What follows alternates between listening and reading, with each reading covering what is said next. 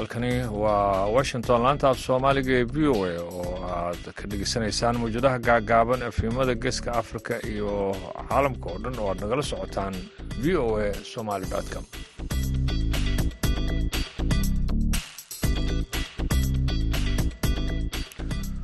duhur wanaagsan dhegeystayaal dhammaantiinba afrikada bare saacaddu haatan waxay tilmaamaysaa kowdii iyo barkii duhurnimo. Idaacadda duhurnimona waxaa idiin soo jeedinaya anigu ah ibraahim xasan garabay daanduray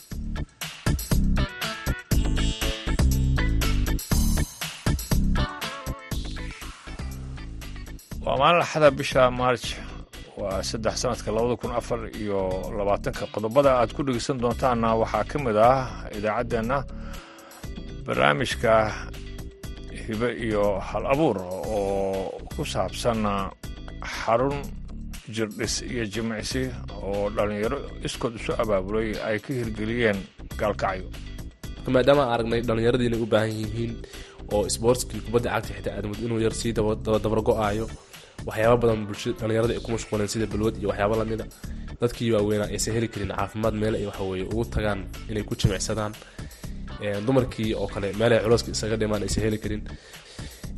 Annagoo ah adigu ilaa iyo dhowr qof oo dhallinyaro ah inaanu ka hirgelino xarun aada u weyn.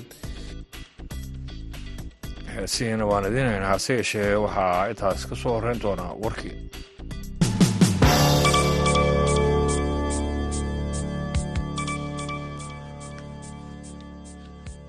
maraykanka ayaa sheegay in israa'iil ay aqbashay habka loo dhigay heshiis xabajoojineed oo ku saabsan dagaalka ghaza oo ay ku jiraan in la sii daayo lahaystayaasha ay xamaas ka haysato israa'iil sarkaal maraykan ah oo ka gaabsaday in magaciisa la shaacayo ayaa wariyaasha wuxuu u sheegay in haatan laga warsugayo dhinaca xamaas. Isagoo intaasna ku daray in maraykanka uu si adaga uu u riixayo in heshiiskani uu dhaqan galo. Haddii xamaas ay aqbasho heshiiska cusub ayaa waxa uu dhigayaa in muddo lix toddobaada la joojiyo dagaalka islamarkaasna la sii daayo maxaabiista sidoo kalena waxaa heshiiska cusub uu dhigayaa in kooxaha gargaarka bani-aadminimo loo ogolaado inay galaan marinka khaza ilo ku dhodhow masar iyo xamaas ayaa sheegay in xamaas aanay ku niyad samayn heshiiska xabajoojineed ee kumeelgaarka hase ahaatee ay doonayso heshiis si rasmi ah loogu soo afjaro dagaalka madaxweynaha ukrain volodimir zelenski ayaa khudbadiisii habeenkii sabtida oo muuqaal ahayd waxa uu ku booriyey xulufada reer galbeedka inay hub siiyaan ukrain isagoo ku nuuxnuuxsaday in dib u dhaca bixinta nidaamyada difaaca gantaalada ah ay galaafan doonto nolosha dad badan oo reer ukraina zelenski ayaa baaqaasi waxa uu u jeediyey xulufada dalkiisa kadib markii ugu yaraan toddoba qof oo ay ku jiraan ilmo yar iyo haweeney ay diyaarad kuwa aan duuliyaha wadin ah ay markaasi ay duqaysay sabtidii islamarkaasina ay garacday guri dabaq ah oo ku yaalla magaalada dekadda leh ee odessa ee koonfurta ukrain sida ay sheegeen mas'uuliyiinta gobolka kooxaha gurmadka ee odessa ayaa helay meydka hooyo haysata ilmo saddex bilood jira sida uu wasiirka arrimaha gudaha ee ukrain ihor kelemanko uu ku sheegay qoraal uu soo dhigay bartiisa telegram. Warkiina dhegeystayaal waa naga intaas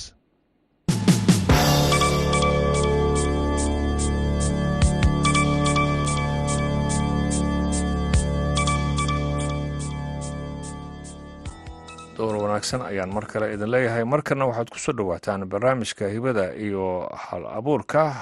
Waxaa soo jeedinaya cabdiwaaxid macalin isaaqa oo ku soo diyaariyey gaalkacyo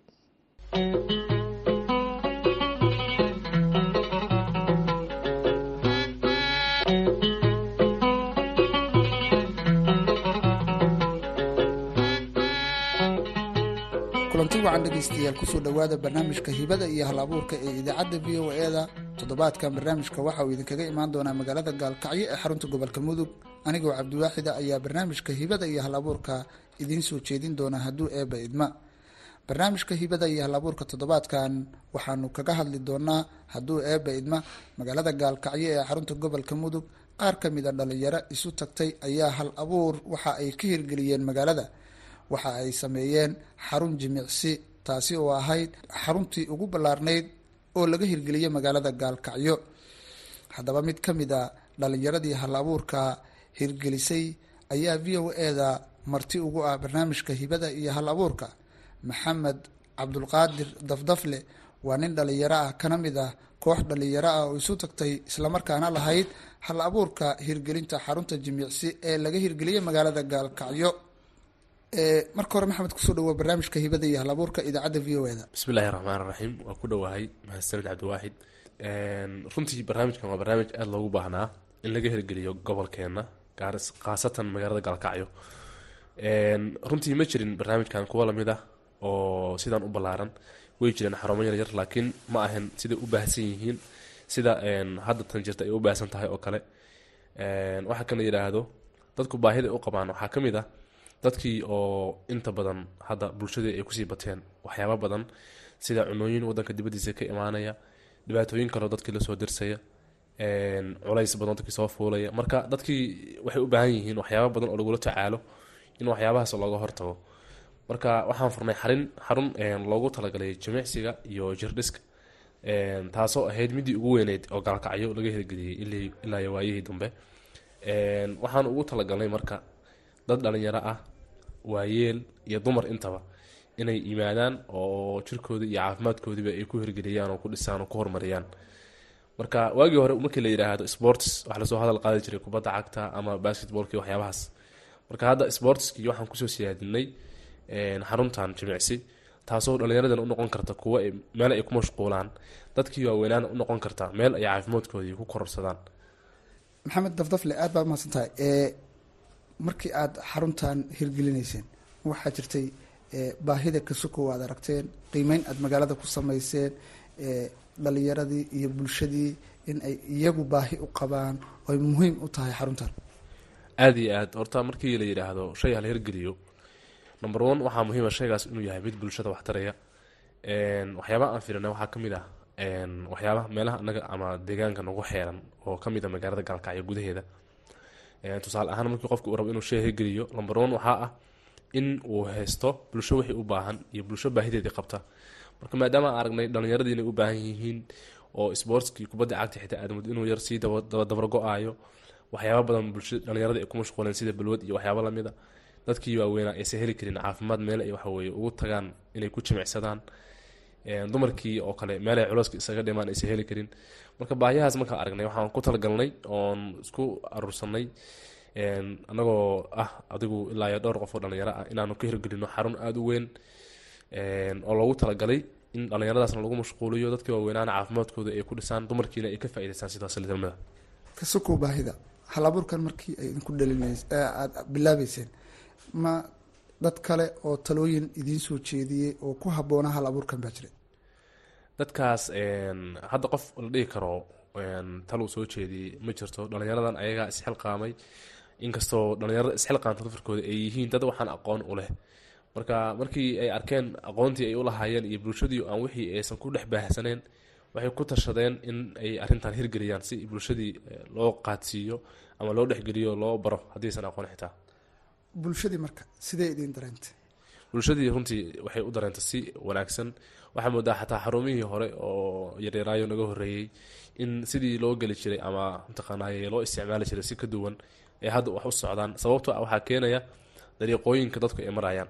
Waxaad moodaa dariiqooyinkii hore dadku ay mari jireen. Mid ka wanaagsan hadda inay ku socdaan oo sidii hore wax u wadi jireen hadda ay iska bedashay baahiyahoodiina awal haddii aysan daboolmi jirin hadda mid qof walbeeto loogu taxadaro in baahidiisii gaar ahaan hadday noqoto caafimaad ahaan hadday noqoto jirdhis anyway qofkii baahidiisi la tiro. Marka bulshadii waxay waxaan ka helnay falcelin aada u wanaagsan oo qurux badan.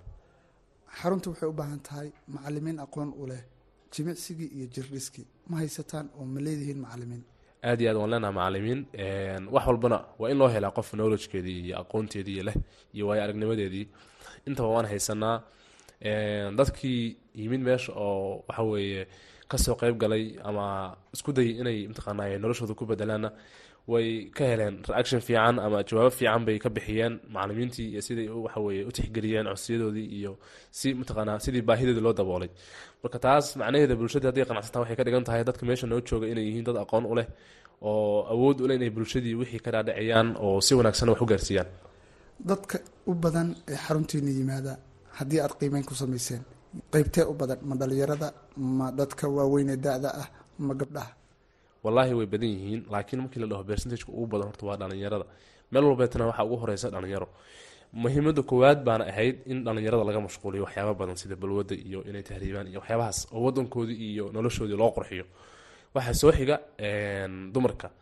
Waxaa kaloo ku soo xigo sadexeeya dadka waaweyn. Dadka waaweyn waxaa laga yaabaa inaysan wixii waqti badan ama aysan u helin ilaa qof dhakhtar ah ama si kaleeto loosoo bushgareeyo maahan. Marka waxaan dhigi karnaa lamber kow dhalinyarada weeye laba dumarkaa soo labaya saddexaad waxaa iska soo dadka waaweyn oo odayaasha ah. Dad badan ayaa aaminsan haddii howl la bilaabo sida wanaagsan marka laga yimaado aragti kale ka qaabi karaa wallaahi horta shayga waa khaldan yahan waxaa la dhihi karaa markuu ka hor yimaado shareecada islaamka iyo qofka shaqsi ahaantiisa noloshiisa markuu ka hor yimaado. Annaga ma sameyno wax sharciga islaamka ka soo horjeeda ma sameyno wax qofka noloshiisa ka soo horjeedi karo dhibaato u keeni kara. Waxyaabaha aan sameyno waxa weeye qof waxa weeye waa shay qof hormarin kara. Hadday noqoto caafimaadkiisii hadday noqoto noloshiisii hadday noqoto maskaxiyan yacni qofku inuu mashquulo inuu waxa weeye nafadiisa uu ka dareemo kalsooni inuu asagu isjeclaado waxay ka mid tahay waxyaabaha qofka u keena in noloshiisa si farxadla uu qaato. Marka dadka aaminsan inay waxaan waxun yihiin waxaan jeclaan lahayn ayagana inay nagu soo biiraan oo inala arkaan waxaa meesha aan ku hayno si ay uga jaahil baxaan waxaan inay xun yihiin iyo inay fiican yihiin. Qofka idin yimaada waxa ugu horreeya ee aada u qabataan. Kow halka laga bilaabayo iyo ilaa marka ugu dambeysa qofka jimicsiga iyo jirdhiska heerka uu ka gaarayo horta qofka markuu yimaado waxaa jiro su'aalo la weydiiyo iyo waxyaabo kaloo asaga shaqsiyaantiisa looga baahan yahay. Tusaale ahaan qofka markuu yimaado qofka waxaa ku xiriira waxyaabo badan. Tusaale ahaan haddii uu yahay haweeney haddii uu yahay qof weyn hadduu yahay qof dhalinyaro ah. Matalan qofku wuu xanuunsanaan karaa qofka daawo socon karta.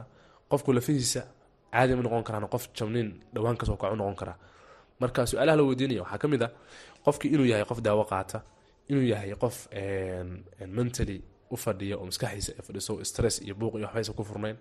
Inuu yahay qof yacni aan waxyaabo waxyaabaha kadiska xanuunada kadiska aysan ku dhicin sida suuxdinta ama mataqaanay wareerka oo kale aysan ku dhicin. Yacni qofkii markii la ogaado in xaaladiisii caafimaad ay fadhiso kadib waxaan u gudubnaa qofkii hadafka uu lahaa markaas uu rabo inuu ka gaaro meeshan. Haddii uu rabo inuu jirkiisa dhiso haddii uu rabo inuu culays ka dhimo haddii uu rabo inuu caafimaad ahaan u galo oo xoogaa happiness ka raadiyo oo xoogaa maaragtay fan ka dhigto oo dhidis kaga keeno. Marka qofka waxay ku xiran tahay horta in xaaladiisa caafimaad aan sugno. Hadday noqoto in warqadihiisa caafimaad uu la yimaado haddii dhibaato ay jirto haddii aan ka saxiixeno uu leeyahay waa caafimaad qabaa. Marka taas markaan ka soo gubnana waxaan qiimeynaa ayadana sidaan kugu sheegay horeba goolka uu leeyahay iyo hadafkiisa intaa markaan ka soo gudubno baan qofka baahiyihiisi markaas aan tixgelinaa iyo wuxuu u baahnaa aan raacinaa qalab intaa la eg oo aad intaa oo baahiyaha aad ku qabataan maydinta la xarunta? Haa qalab wuu noo yaalaa laakiin dadka markii la dhaho jim waxay moodayaan in la keenayo magaalo dhan oo qalaba tusaale ahaan qofku marku horba inuu shay sameeyo waxaa jirta qaabo badan oo u samayn karo aniga haddaan rabo inaan cunno cuno. Waxaan ku cuni karaa gacanteeda. Waxaan ku cuni karaa qaado saxanka haddaan rabo soo qaadi kara afka la geli karaa. Marka shayga markaa sameynaysid wuxuu leeyahay qaabo badan loo sameeyo. Annaga waan haysanaa xaqiiqatan wax nagu filan. Waa sababta aan ku leeyahay ma jirin xarun la mid a xarumahan oo hadda la furay oo horey loo sameeyey ma jirin. Marka waxay u eg tahay in qof walbeeto baahidiisii uu ku qanacsan yahay. Tusaale ahaan soomaalida waxyaaba qiimeya waxaa ka mid a waxaan qalab aan isticmaalo iyo waxa aan baahideeda ku tirto ma helaya marka runtii ahaantii ma aan arag qof ka eed sheeganaya inuusan qalab meesha oolin inuusan waxa weye baahidiisa helin. Marka qalab keliya ma aha waxyaaba badan oo qofka mataqaanay looga baahan yahay. Hadday noqoto qubeyskiisii hadday noqoto meesha wax ku dhigan lahaa alaabtiisa dhigan lahaa waxyaaba badan. Dharkiisii kabihiisii everything waa yaalaan. Marka qof walba waxa weye baahidiisii ay daboolanta kasakow hal abuurka dhalinyaradiina aada isu keenteen yaa idinka maalgeliyey maadaama hawshan ay u baahan tahay dhaqaala wallaahi maalgelin markii la dhaho dee qof walba horta haddii uu iska dayo inuu wax hirgeliyo wuu hirgelin karaa. Arrintan waxaa hirgeliyay saddex nin oo dhalinyaro ah oo u tashaday inay howshaan hirgeliyaan iyagoo arkay baahida loo qabo kadib. Marka cid yacni banaanka ka soo taageertay ama hay'ad ama dooli ama waxyaaba noocaasa ma jirto waa saddex qof oo shaqsi ahaan isku taageeray dhalinyarada ka mid a marka qof dhalinyaro ah haddii wax qabto dee waxay la mid tahay dhalinyaro wax wada qabsatay keliya ma ahan ayaga in loo goynayo waxaan inay qabsadeen. Marka waa dad dhalinyaro ah oo gaara oo saddex qof oo qabsaday barnaamijkan oo si gaar u tixgeliyay dabdafle kasakow inaad ka mid tahay hal abuurka barnaamijkan waxaa tahay mid ka mid a macalimiinta qeybta gaarka ah ee aada adigu macalinka ka tahay? Aniga horta waxyaabahan macalinka waxaa ka mid ah qofkii exceskiisii uu u baahnaa inaa caawiyo waxaa ka mid ah qofkii psychology ahaan exceska intaada siin waxaa loo baahan yahay waxyaabaha qofka uu ka caamanayo kale. In hadafkiisii dhaqso uu gaari karo kale. In talooyin fiican sii kartid oo kale. Waxyaabahaasna waan ka caawiyaa oo exceska ka sokow. Markii loo tago oo shaqadeedu ah inaan qofkii exceskiisii iyo wadadii u baahnaa aan siiyana taana waan ka caawiyaa. Marka shaqadeedu waa labadaas nooc. Inaan qofkii tala ahaan u caawiyo iyo shaqo ahaan inaan caawiyo. Intaad hadda hawsha waday wax dhibaata oo kala kulanteen walahi kalema aanu kulmin dhibaatooyinka ugu weyn anaga aan kala kulmin kala waxa waaye oo murugada naga soo gaarayso qofkii inuu yimaado isagoon waqti qaadan inuu isku dayo inuu result ama natiijo degdeg ku helo. Sidaa darteed uu meesha fikir qaldan ka qaato ama nafsad ahaantiisii uu aamin inuusan waxba samayn karin. Marka taas anaga haddii qofkii uu iska niyad jabo meesha waxaan u furna waxa weye dadku inay naftadooda ay ka dareemaan naftooda inay jeclaadaan. Marka haddii qofku niyad jabo naftiisu nacaya. Annagana waxa weeye in qofkii naftiisa uu naco dhalinyaradii waxa weye khalad ay aaminaan de waxay noo tahay murugo sababto waa waa dadka u abuurna ayaga waxaan. Dhalinyarada iyo dadka imaanaya ee meeshan hirgelinteeda dhaqaalo badanaa ku baxay ee dhalinyaro maskax baad geliseen ma jiraan kharashaad ah ka qaadaan wallahi way jiraan oo meel dee free ma jirto laakiin qarashaadka laga qaadiya wuxuu yahay qarashaad ku beesgarasan dhalinyarada boqolkiiba siday u nool yihiin. Tusaale ahaan dad waxaa jira nolol saro ku nool oo magaalo jooga oo waxa weeye shaqeeya dadka badankoodna dadka badankoodna ma shaqeeyaan. Marka waxaan ku qiyaasanay qiimaha meesha in dadkii aan shaqeynayay iyo dadkii aan shaqeynaynba labadoodiiba ay awood u yeelan karaan inay iska waxwey maalgeshadaan oo iska mataqaana galaan. Ugu dambeyntii dhalinyaro badanaa joogta gobolka shaqa la'aan ah hal abuur kasta ee maskaxdooda haddii ay sheegaan hal abuur keeni karaa maxaad kuwaas fariino u diri lahayd? Horta qof walbeeto gudihiisa waxaa ku jira dheeman keliya waxay u baahan tahay inuu banaanka u soo saarto. Qofkana waxyaabaha ku dhaliya inuu waxrigeliyo inuu waxrigelin waayo. Waxaa ka mid ah qofka inuu wadooyin badan uu raaco. Waa sida nin laba bakeele cersaday midna ma qaban karayo. Marka waxa fiican qofka hal meel inuu raaco wadadaas uu ka jiba keeno qof walbeet waxbuu ku fiican yahay. Qof wax ku xun ma jiro. Laakiin waxaa jira dad badan oo aqoon waxay ku fiicnaayeen. Marka waxaan dhalinyarada ku boorinayaa inay raadiyaan shayga ay ku fiican yihiin kadibna ay kamira dhaliyaan oo fikradooda ay waxa weeye cidna aysan kala tashan. Oo haddii ay og yihiin shaygaas inuu yahay shay diinta aan ka hor imaaneen dadkii bulshada ahna wax anfacaya hadday yihiin shaygaas inay waxaweye kamira dhaliyaan baan jeclaan lahaa ku boorinaya dhalinyarada. Intaa ayaan ku soo gabagabeynayaa barnaamijkii hibada iyo hal abuurka ee idaacadda v o a anigoo cabdiwaaxida ayaa barnaamijka idinla socodsiinayay. Ismaqal dambe oo xiise leh sidaa iyo nabadgelyo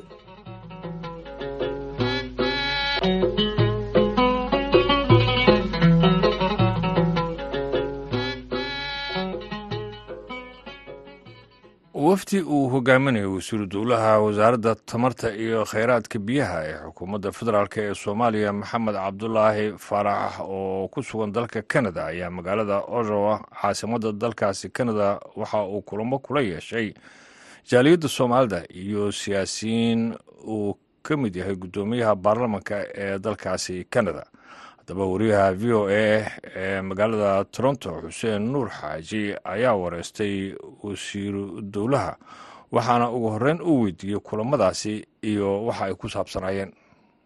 Xuseen waa mahadsan tahay waa ku mahad adiga iyo maaragtay v o edaba bacdallah runtii waa sidaad sheegtay waan tagnay ottawa markaan tagnay dabcan kulamaan ku galnay kulamadaas waxay ka koobnaayeen kulamo aan la gelayna jaaliyaddeena xooggan ee ottawa degan maaragtay guddoonkooda iyo guud ahaanba intii laga gaaray qodob kalena wuxuu ahaa qodob aan kala kulmaynay dowladda maaragtay canada qaybaheeda kala duwan haddii ay tahay baarlamanka labada aqal ee upper houseka iyo lower houseka iyo haddii ay tahay waxa lagu magacaabo golaha fulintaba ama wasiiradaba ayagana dadka aragnay.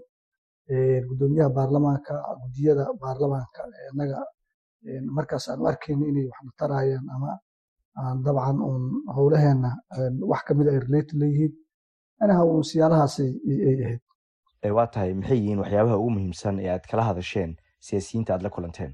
Wallahi xuseenow de waxay ahayd waxaan kala hadalnay gudoomiyaha baarlamaanka waa aragnay baarlamaanka canada isaga iyo waxaan aragnay iyo xubno kaloo badan oo uu ka mid yahay wasiirka horumarinta iyo pollution diversity iyo arrimahaas qaabishan oo kale aan aragnay.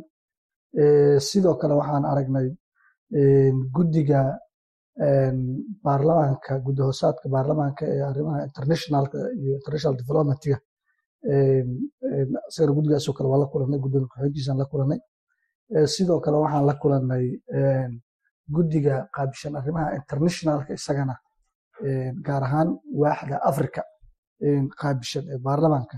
Iyagana waa aan la kulanay maaragtay gudoomiyaha ku-xigeenka guddi hoosaadkaas aan isagana aragnay. Sidoo kale waxaan aragnay xildhibaano iyo wasiiro kale oo iyaguna muhiim noo ahaa. Dhammaanna waxaan kala hadlayna dhowr qodob qodobkood wuxuu ahaa sidii maadaama dalkan uu yahay dal hormaray developed countrieska waddamada la yiraahdo ka mid ah dowladaha africana ay yihiin dowlado maaragtay dib dhacsan ayagana ay dabcan wax ka qabtaan afrikaankaas. Ka inaga soomaali ahaan qaybtii nooga aadaneed oo aan dhaliishanahay xoogaa inaan sidii loo baahnaa is involved noogu ahayn inay noo soo jeestaan oo involved nagu noqdaan oo dalkeenna oo ah dal maaragtay curdana oo hadda firaaqii dhexe kadib si fiican u soo kabanayo inay maaragtay naga garab istaagaan qaybaha bulshada adeega bulshada gaar ahaan korontada iyo biyaha iyo waxbarashada iyo caafimaadka iyo kaabayaasha dhaqaalaha iyo inay naga garab istaagaan. Sidoo kalena capacity buildingka waxa la yiraahdo iyo waxbarashadoo kale. Xuseeno waxaa xusin mudan waxbarashay bixiyaan dalkan canada afrikaanka waxbarashay siiyaan iyo aasiyaanka xitaa iyo dad badan oo kale. Dowladda kenya inaga dariska nala waxaa laii sheegay shan kun oo arday inay kaga faa'iideysteen scholarship la siiyey halka inagana lix arday ay ka faa'iideysatay jaaliyadda ii sheegtay warkaas. Marka lix arday iyo shan kun oo arday farqiga u dhexeeyana waa dareemi kartaa. Markaan weydiino kala hadalna waxay ku cileeyeen in maaragtay baasboorka iyo safaaradda iyo waxyaaba la xiriira ay sabab u tahay oo intan anagana safaarad ku kow laba baasboorkeena inaysan aqoonsanayn waxyaabaha marka aan rabno inaan xoojino insha allah waana kala hadalna. Waxaa ka mid ah baasboorkeena hadda sidaad la socotaba. Inkastoo cidda ikhtisaaska ulug ay ka hadli doonto waddamada inta badan fiisaha waa ay saaraan. Canada iyo maraykan iyo ingiriiska oo agaasimaha immigrationka aan u malaynaa wiigii hore inuu jiray ingiriiska wax badanna oo guulana oo meesha kala soo laabtay ayaa saarin oo warqad bixiyaan marka ayagana in agaasimaha maarata immigrationka iyo safar ku imaan doonaan kadibna requirementska waxyaabihii nalaka raba markaan ka soo baxno baasboorka in la aqoonsado kadibna ardadu ay sidaas ku timaado oo sidaa looga faa'iideysto ugu dambeyntii jaaliyadda soomaalida ee magaalada ottawa ayaad la kulanteen maxaad kala hadasheen? Waa mahadsantaa xuseen jaaliyadda waa la hadalnay aadaan ula hadalnay waxaana kala hadalnay kadib wakti dheer ay soo maqnaayeen dalkooda inay dib ugu laabtaan dalkooda inay maalgashtaan hadday cilmi tahay iyo hadday caqli tahayba waxyaabihii inta ka kororsadeen maaragtay ay ku celiyaan dalkooduna ay tahay. Maanta xilligii maaragtay haddii marka hore lagu marmarsoonayay in aan amni darra ka jirto hadda in amnigii falilah alxamdu wax badan oo ka mid ay hagaageen dalku hadda soo kabasho oo ku jiro la maalgashan karo. Marka inay dalkoodii dib ugu laabtaan maalgashtaan jaaliyadda waxaan u sheegnay anigana aan aaminsanahay ka shaqsiyan dadka diyaasbarada dad badan oo diyaasbaraha dalka ku laabtay laakiin inta badan dadka diyaasbarada ahoo dalka ku laabtay waa dadkii shaqooyinka adag ka hayay inta. Dadkii shaqooyinka maaragtay hayey waxaa lagu magacaaba sarsare. Ee innagaba aan u baahnayna waxna tari lahay innagoo u wada baahan haddana waa u sii kala baahanna profesoradii macalimiintii jaamacadaha kuma aysan laaban. Sharci yaqaanadii kuma aysan laaban intay ka shaqeeyaan.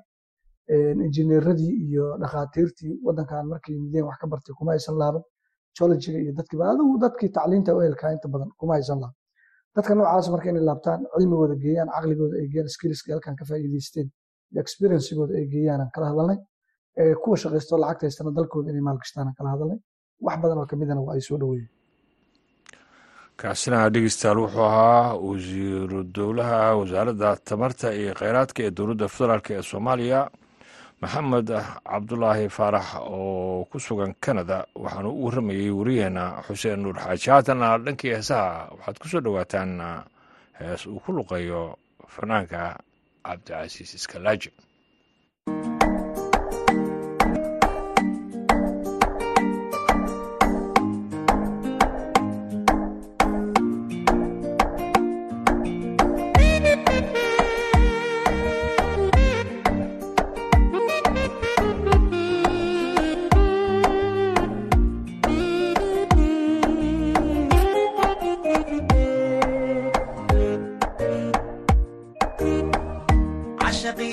tadaagaleen adigu waad ka gabsataa keligay kuhaadiyo wayo reenkiisiba naftayda gabya ka dhigay